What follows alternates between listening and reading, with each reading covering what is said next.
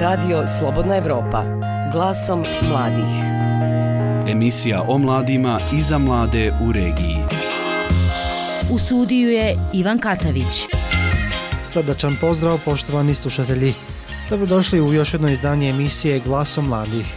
Imamo nove teme i zanimljive sadržaje, što je, vjerujem, dovoljno razloga da ostanete s nama u idućih pola sata. Glasom mladih. U ovo tjednoj emisiji bavimo se angažiranom glazbom koja je sve popularnija među mladim ljudima. Mlade iz Srbije, Bosne i Hercegovine i Crne Gore smo pitali da li preferiraju tu glazbu koje izvođače, koliko poruke iz tih pjesama mogu utjecati na određene promjene u društvu ili barem ukazati na loše strane društva. S mladima u Beogradu razgovarao naš Dušan Komarčević.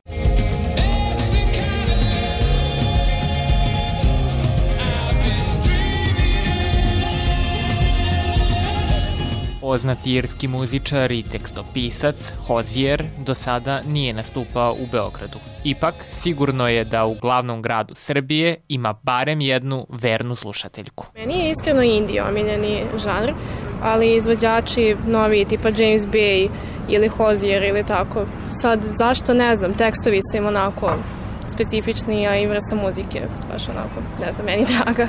Kaže nam Beograđanka Dunja. Na pitanje da li kao slušalac prednost daje tekstovima ili muzici bendova koje voli, ova 16-godišnja srednjoškolka odgovara. Meni su lično dosta bitni, ali ima dosta, mislim, ima pesama koje možda nemaju toliko dobre tekstove, ali kao sve jedno slušam, ali većinu, neka čak i ako nije dobra muzika, volim da slušam zbog teksta. Sličan stav ima i Dunjina vršnjakinja Sara.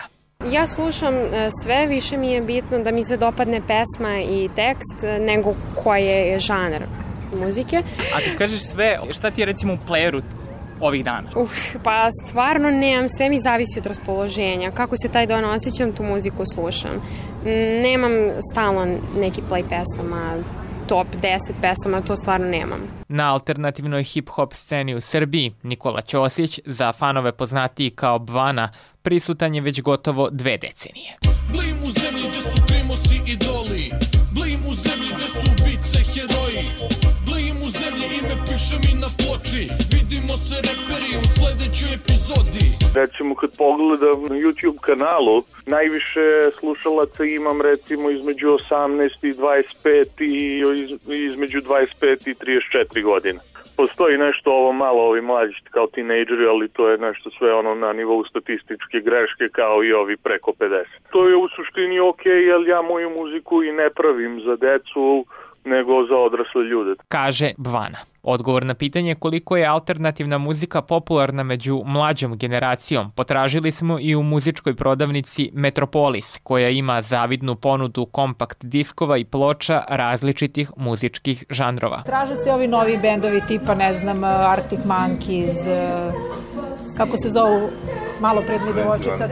One Pilots i Panic at the Disco, to mi traže stalno, da. Priča nam Jelena, prodavačica u ovoj muzičkoj radnji. A šta je ono što stoji nasuprot alternativi i što se danas među mladima smatra muzikom glavnog toka? Mislim da današnje deca slušaju uh, više ovu novu kompanovu muziku, kako ja zovem. Uh, verovatno znate na što mislim, rap. Uh, tako da na neki način tu traže te žanrove koji se njima sviđaju. Odgovara Sara. Naša sagovornica govori o relativno novom muzičkom pravcu koji je nastao mešanjem hip-hopa, dance-hola, popa i turbo-folka uz često korišćenje autotune audio efekt. Neću da radim, što mi se kaže, neću da radim, što drugi rade, možda bit ću srećan, možda ću da patim, ali to je moj put, to je moj način. Iz Beograda za Radio Slobodna Evropa, Dušan Komarčević.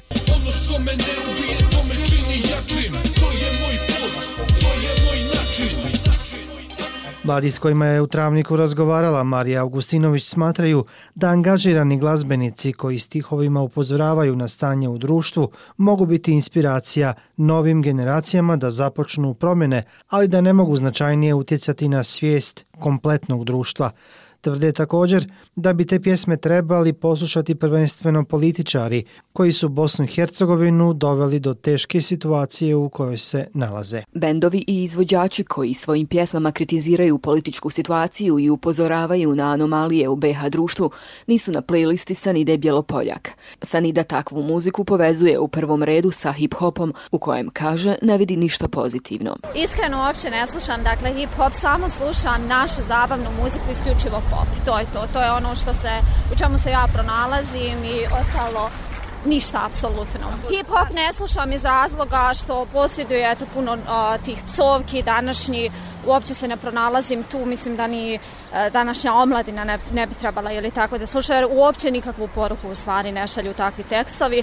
Uh, isključivo mislim da bi trebali ovako slušati recimo pjesme koje šalju nam bilo kakvu recimo ljubavnu poruku Na pitanje zna li šta je angažirana muzika, srednjoškolac Haris Hrnić nije mogao dati precizan odgovor. Međutim, prva asocijacija su mu bili dubioza kolektiv Frenki i Edo Majka. To je malo muzika, ono, malo čudna. Frenki, kako se to, Đala, brat, Buba, Kareli i to. Pa sve isto, uglavnom sve ista muzika, sve isti zvuk, isto. To je više ono, kako da vam kažem, muzika za nabrijavanje, to neko. Govori dosta problema, ali to niko i ne rješava, tako da ono, a da angažirani muzičari koji progovaraju o siromaštvu, nacionalizmu i pogubnosti posljeratnih vladajućih politika mogu imati utjecaj na svijest mladih, slažu se i Sanida Bjelopoljak i 18-godišnjakinja iz Travnika koja je željela ostati anonimna. Ipak ističu njihov utjecaj je ograničen i nije realno očekivati da mijenjaju svijest kompletnog društva. Mogu, naravno, e, posebno svijest mladih ljudi. Ja kažem da oni e, poduzmu neku inicijativu na tom polju i da, dakle, postaraju se u stvari da promijene određenu problematiku u današnjem društvu. Pa mislim da oni nekako predstavljaju baš sliku naše države. Ne, ovdje je slabo šta da može promijeniti bilo šta. Veće stvar ne mogu promijeniti svijest politike, a da promijeni jedna pjesma. Pjesme bendova i izvođača koji muzikom alarmiraju na opću krizu u društvu te se ne libe i pokazati prstom u one koji su odgovorni za takvo stanje ne mogu mijenjati sistem, ali mogu biti dobra lekcija BH političarima, smatra Josip Malić. Međutim, sudeći po trenutnoj situaciji, Josip kaže da je očigledno da ovakva muzika do političara i ne dopire. Ako pazilo slušanje jezne riječi, njihove riječi koje su na satiričan način idu u našem društvu, tako da kad se bolje zadube ljudi, onda mogu da shvate kako se društvo nalazimo i kakvoj situaciji, tako da sad je pitanje oni koji bi trebali to slušati, da li oni to slušaju i da li to oni gledaju, doživljavaju tako, tako da mislim da oni nešto posebno mogu promijeniti, ne mogu promijeniti. Za radio Slobodna Evropa iz Travnika, Marija Augustinović. Evo nas u Podgorici.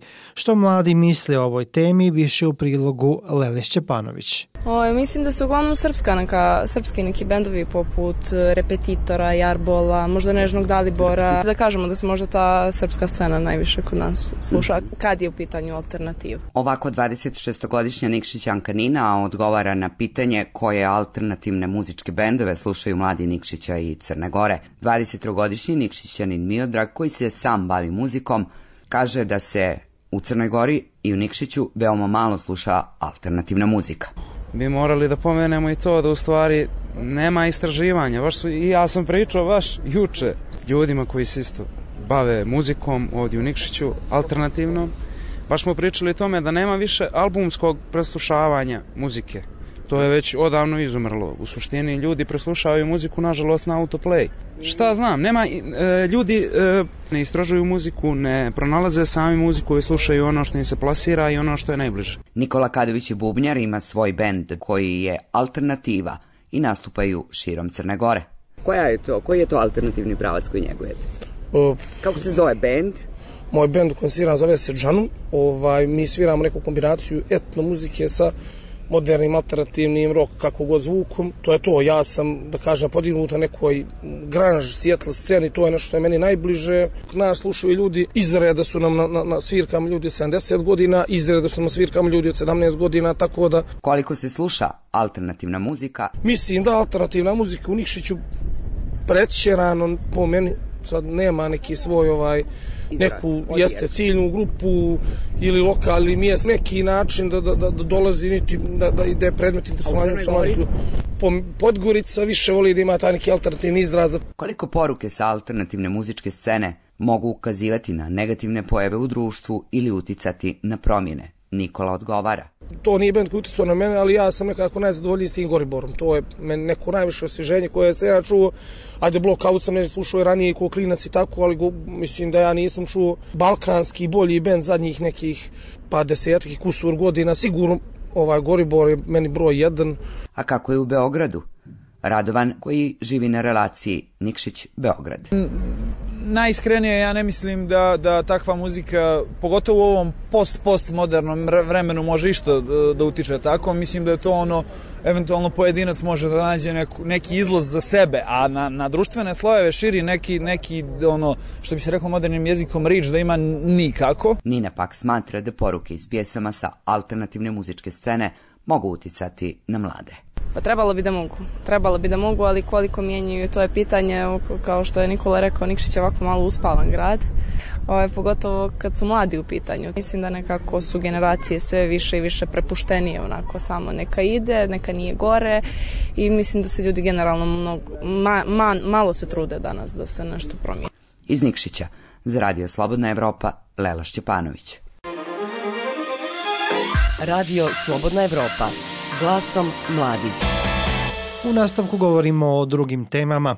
27-godišnji Nikola Lero iz Bijeljine, po struci pravnik, boravio je tri mjeseca u Briselu gdje je stažirao u Europskom parlamentu. On je jedan od rijetkih mladih iz Bosne i Hercegovine kojim se pružila ovakva prilika, a ubrzo su mu ponuđene i stipendije Evropske komisije i Švedskog instituta. S njim razgovarao Aljoša Ljubojević. Svake godine posredstvom organizacije Humanity in Action, čije je sjedište u Sjedinjenim američkim državama, a koja djeluje i na teritoriji Bosne i Hercegovine, na svjetskom nivou se bira manje od deset mladih koji će stažirati u Europskom parlamentu i upoznati se sa procesom donošenja odluka. Ove godine to je pošlo za rukom Nikoli Leri iz Bijeljine, koji je osnovne studije prava završio u Banja Luci.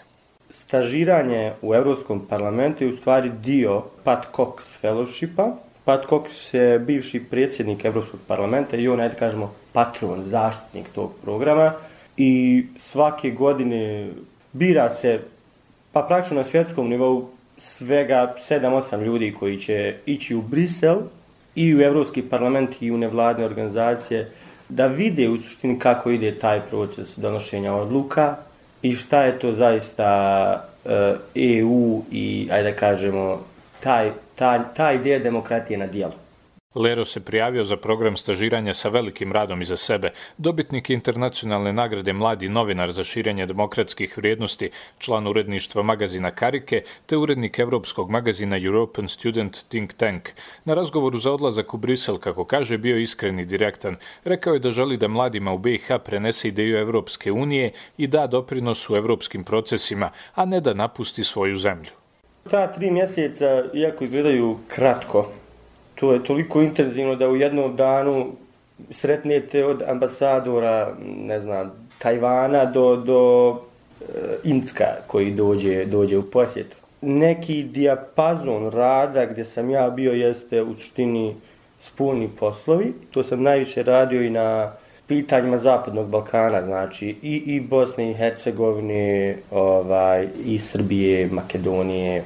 Nikola Lero stažiranje u Briselu obavio je u kabinetu evropskog parlamentarca Ive Vajgla, člana političke grupe ALDE. Ono što je na njega kao pravnika ostavilo jak utisak jeste ozbiljnost u radu i brzina donošenja odluka. Rezolucija o Bosni i Hercegovini je prihvaćena u, u februaru u Strasburu. Ja sam pristao na, na, na tri sastanka gdje se Eh, na svakom sastanku donijela odluka. Pitaju vas, ok, koju ćemo liniju zauzeti, zašto, koji su argumenti i činjenice, i onda se donese odluka. Znači, nema, nije pojenta dijaloga stalno pričati kao što ovdje predstavljaju, već je pojenta i donijeti zaključak. I u roku od sedam dana je bilo glasanje u Strasburu gdje je prihvaćena rezolucija, ako se o njoj diskutovalo recimo samo par dana prije. Jednim velikim, velikim i jakim tempom. To je za mene bilo nepojljivo da se, da se donese jedna takva odluka. A on donesu stu i nešto takvih odluka sedmično. Nakon iskustva u Briselu, Lero kaže da mu je jasno da je Evropska unija zainteresovana za Bosnu i Hercegovinu, ali da ljudi u našoj zemlji još ne znaju ili neće da prihvate šta znači članstvo u Uniji. Cilj je podizanje zakona na viši nivo i evropsko društveno uređenje. Ističe da je dio evropske kulture u Briselu shvatio veoma brzo. Ja vjerujem da bi jedan, ajde kažemo, stažista u Bosni i Hercegovini, ko zna šta ne prolazi, a ovdje u stvari te tretiraju kao sebi ravnog kao jednog sposobnog, sposobnu osobu, jer većina njih je u stvari prošla kroz isto to. Bili su stažisti i pokazali su se, idemo dalje i kroz 5, 10, 15 godina neko je postao predstavnik u Evropskom parlamentu.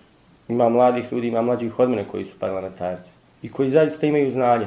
Ako sam ja šta vidio, to je da rade ljudi koji znaju, koji su obrazovani, upućeni i hiper, hiper produktivni, jednostavno drugačija, drugačija kultura, obhođenje prema ljudima i to je bio prvi moj komentar kad sam došao tamo, rekao ljudskost. To je, to je glavna vrijednost ljudskost, da se osjećaš dobrodošao. Nikola je sada na novoj prekretnici jer treba da izabere jednu od stipendija za master studije. Prva podrazumijeva boravak u nekoliko evropskih zemalja, a drugu mu je odobrio Švedski institut. Kaže da će dobro razmisliti i vidjeti koje znanje će mu više značiti pri povratku u BiH. Dobio sam stipendiju Evropske komisije, to je Erasmus Mundus, da nastavim master studije koja je onako što bi rekli, competitive, znači ogroman broj prijava i možda 2% ljudi je dobija. Jer je najbolja, na, ono, najbolja u Evropi sigurno. Za emisiju glasu mladih iz Bijeljine, Aljoša Ljubojević. U okviru projekta Poduzetnički fond za mlade U Cazinu su potpisani ugovori za pet korisnika, mladih ljudi, koji su uspješno aplicirali na javni poziv za financiranje biznisa mladih. Sredstva za realizaciju projekta u iznosu od 37.000 konvertibilnih maraka osigurali su Institut za razvoj mladih Kult uz podršku Veleposlanstva Švedske u Bosni i Hercegovini i grada Cazina. Azra Bajrić ima detalje.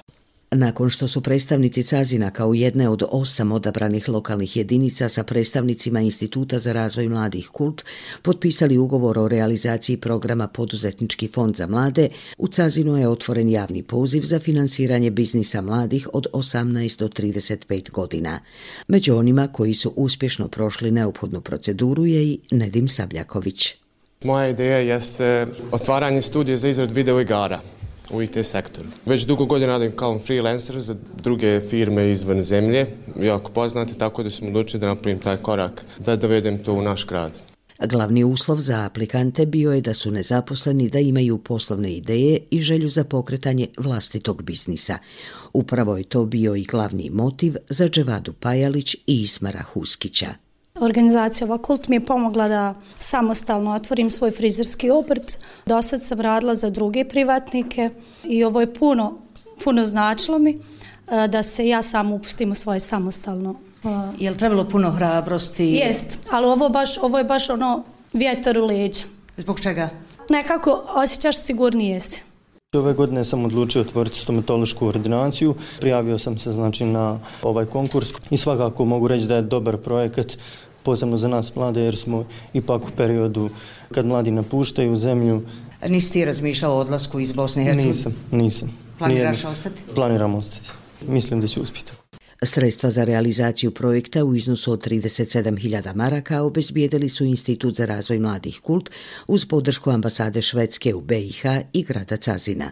Amela Sačić, Institut za razvoj mladih kult šta je zapravo negdje u konačnici cilj, dakle pomoći mladim ljudima da budu sami svoji poslodavci, ali na koncu zašto ne i da oni budu poslodavci. Cilj je zapravo riješiti taj problem koji mladi ističu kao jedan od većih, a to je da su zapravo oni obeshrabreni da pokrenu biznise iz razloga što i u onom momentu kada im date određenu finansijsku podršku, oni prosto ne znaju šta bi dalje. Dakle, nemaju to stečeno iskustvo kako zapravo upravljati biznisom. I mi pružamo finansijsku podršku, ali kroz godinu godinu dana im pružamo i druge vrste podrške. Nermino Grešević, gradonačelnik Cazina. Ovo je zaista jedan veliki iskorak i e, rekao bi u tom pravcu mi vidimo i veliku perspektivu i mislimo da evo, u različitim sektorima trebamo mlade ljude ohrabriti da pokreću svoje poslove i sa dobrim biznisom poslom ovdje u Bosni i Hercegovini Cazinu se zasigurno može bolje živjeti nego bilo gdje drugdje kao najemni radnik. Prema istraživanju kulta, svaka druga mlada osoba željela bi pokrenuti vlastiti biznis, ali im je u tome potrebna financijska, savjetodavna i edukacijska podrška zbog niza prepreka sa kojima se pritom susreću. Direktna financijska i savjetodavna pomoć koju lokalne zajednice mogu pružiti mladima ključne su za dugoročno rješavanje njihovih najvećih problema, prvenstveno nezaposlenosti. Za Radio Slobodna Evropa, Azra Bajrić koju srednju školu upisati, zanat ili opći smjer. Ovo pitanje postaje aktualno svakog proljeća kada se približi kraj školske godine za učenike završnih razreda osnovnih škola. U posljednje vrijeme sve više apela u javnosti da se upisuju strukovna i tehnička zanimanja jer vlada velika potražnja i prilika za zaposlenje odmah po okončanju školovanja. Tako su u Hercegovačko-Neretvanskom kantonu vlasti najavile čak i dodjelu stipendija učenicima koji upišu neku srednju strukovnu ili tehničku školu. Prilog Mirsada Behrama. Melisa Dobrić iz Mostara je učenica prvog razreda srednje tekstilne i poljoprivredne škole. Melisa kaže kako je odabrala baš tu školu jer vjeruje da će odmah nakon završetka školovanja imati posao. Pa svidio mi se taj frizerski zanat jer odavno od malena želim da budem frizer. To mi se mnogo sviđa i želim da postanem, da otvorim svoj frizerski salon. Melisu susrećemo na sajmu srednjih škola Mostara na kojem se sa svojom ponudom predstavilo 19 obrazovnih institucija u tom gradu. Tako, na primjer, direktora turističko-ugostiteljske škole Perkana Pervana pitali smo zašto bi se neko upisao baš u tu školu. Pa ima bezbroj razloga, ali najosnovniji što se naši učenici zaposle čim završe. Imaju jako dobre ponude, dobra primanja i mogu da biraju u svakom momentu po 5-6 različitih poslova. Direktor Pervan tvrdi i da turističko-ugostiteljska škola nudi odlične uslove za sticanje znanja i vještina. Imamo odlične profesore, odlične radionice, imamo naš restoran školski koji je službeno ima zlatnu krunu kao mjesto gdje se daju najbolje usluge u Bosni i Hercegovini. Posebno u posljednje vrijeme, nakon što je Njemačka otvorila svoje tržište rada, vlada veliki interes za medicinsku struku. Šta učenici mogu očekivati u srednjoj medicinskoj školi se stara milosrdnica, govori direktorica Stana Rotim. Mi prije svega imamo širok spektar zanimanja, des zanimanja u našoj školi je registrirano, tako da su ta zanimanja vrlo atraktivna i danas sutra učenici pri završetku srednje škole odmah dobiju posao. I to posao se može dobiti bilo u državnoj instituciji ili u privatnom sektoru, kaže direktorica Rotim i dodaje. A evo, nažalost, našom svjedočbom odlaze i vani, što mi je posebno tuga, odlazi na mladost, ali evo, šta je tu je. Kadrovi iz te mostarske srednje škole nisu slučajno traženi van granica BiH. Direktorica Stana Rotim ističe. U Evropskoj uniji nemaju uopće razinu našeg obrazovanja. Naša medicinska sestra je sposobna raditi na svim odjelima jer je tijekom svoje praktične nastave, odnosno vježbi, prošla sve odjele, tako da su oni spremni za rad. U posljednje vrijeme obrazovne vlasti u Hercegovačko-Neretvanskom kantonu nerijetko ističu kako rade na promjenama koje bi dovele do toga da se mladi ne obrazuju za biroje za nezaposlene nego za zaposlenje. S tim ciljem favoriziraju se strukovna i tehnička zanimanja za koja postoji veći interes na tržištu rada. Ministar obrazovanja Hercegovačko-Neretvanskog kantona Rašid Hadžović. Ove godine je data određena saglasnost vlade za davanje stipendija našim učenicima koji se budu upisali na zanatska zanimanja. Motiv više učenicima trebao je biti i po prvi put nastup na sajmu srednjih škola nekoliko mostarskih firmi. Predstavnica Asocijacije poduzetnika Hercegovine Helena Jelena Lončar. Oni su došli sa voljom i, i željom da razgovaraju sa što više osnovnoškolaca kako bi ih e, nekako motivirali da upišu tu srednju strukovnu ili tehničku školu. Međutim, svoje argumente imaju i takozvane opće škole. Direktor gimnazije Mostar, Haris Idriz, naglašava da ta škola već godinama pruža kvalitetno obrazovanje i oni koji je završe sigurno nastavljaju školovanje na fakultetu. Iz prethodnih generacija mi imamo informacije da veliki broj učenika upisuje fakultete informacijskih tehnologija, fakultete e, mašinstva, prava, tako dalje. Dakle, zaista učenik kada iz gimnazije izađe ima jednu veliku podlogu za upisati bilo koji fakultet.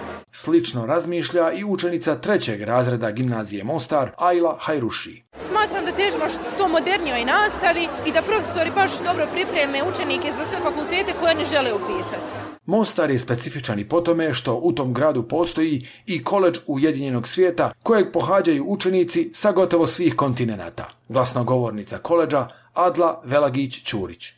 Ono što se nudi jeste e, međunarodna matura, odnosno e, rad po IB programu, jedan veliki broj van nastavnih aktivnosti u koje se učenik može uključiti. Pored toga što im se nudi i šansa za upisivanje jednog od preko 2000 univerziteta širom svijeta. Ni posjeta sajmu srednjih škola brojnim učenicima još uvijek nije bila dovoljna da donesu konačnu odluku šta upisati. Vanja Trivun iz šeste osnovne škole Mostar govori.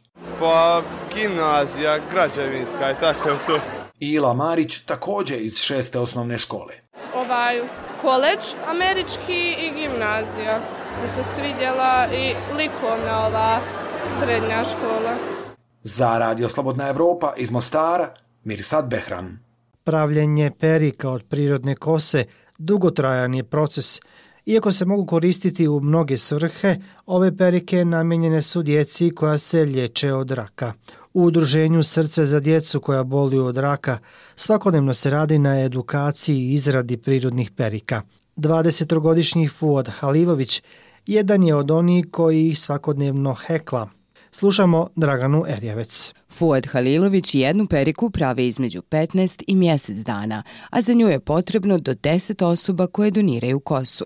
Tokom procesa pravljenja perike se prvo kuvaju pa heklaju, a namijenjene su isključivo djeci oboljeloj od raka. Ovo je posao koji zahtijeva stvarno pažnju i strpljenje.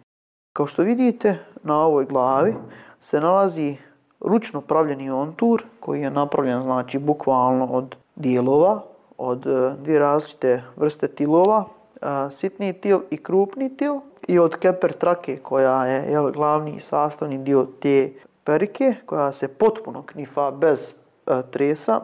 Od prilike da bi se jedna perika napravila, jel, ova za našu djecu potrebno je otprilike nekih od 15 do 20 dana, dok ove perike koje su potpuno knifane, koje se koriste za ljude koji imaju trajan gubitak kose, te perike zahtijevaju čak i do 30 dana. Fuadova ljubav prema perikama ipak nije bila slučajna. Kao devetogodišnjak Fuad je obolio od leukemije i tri godine bio na liječenju u Italiji. Danas je volonter i član udruženja Srce za djecu oboljelo od raka. U sklopu projekta Moja kosa, tvoja kosa, deset mjeseci se obučavao u izradi perika. Nisam nikad zamišljao da ću, da ću uopšte da radim posao koji je vezan za kosu, koji je vezan za dlaku. Nikad u životu ništa, sem što sam otišao, išao frizeru, nisam, nije, nije me dovodilo u susret sa tom nekom kosom. Ispostavilo se da, da imam talenta za to, da da mi ide i da bi trebao da, da, da pokušam da i ja naučim. Nakon deset mjeseci e, sam završio tu obuku, tu edukaciju.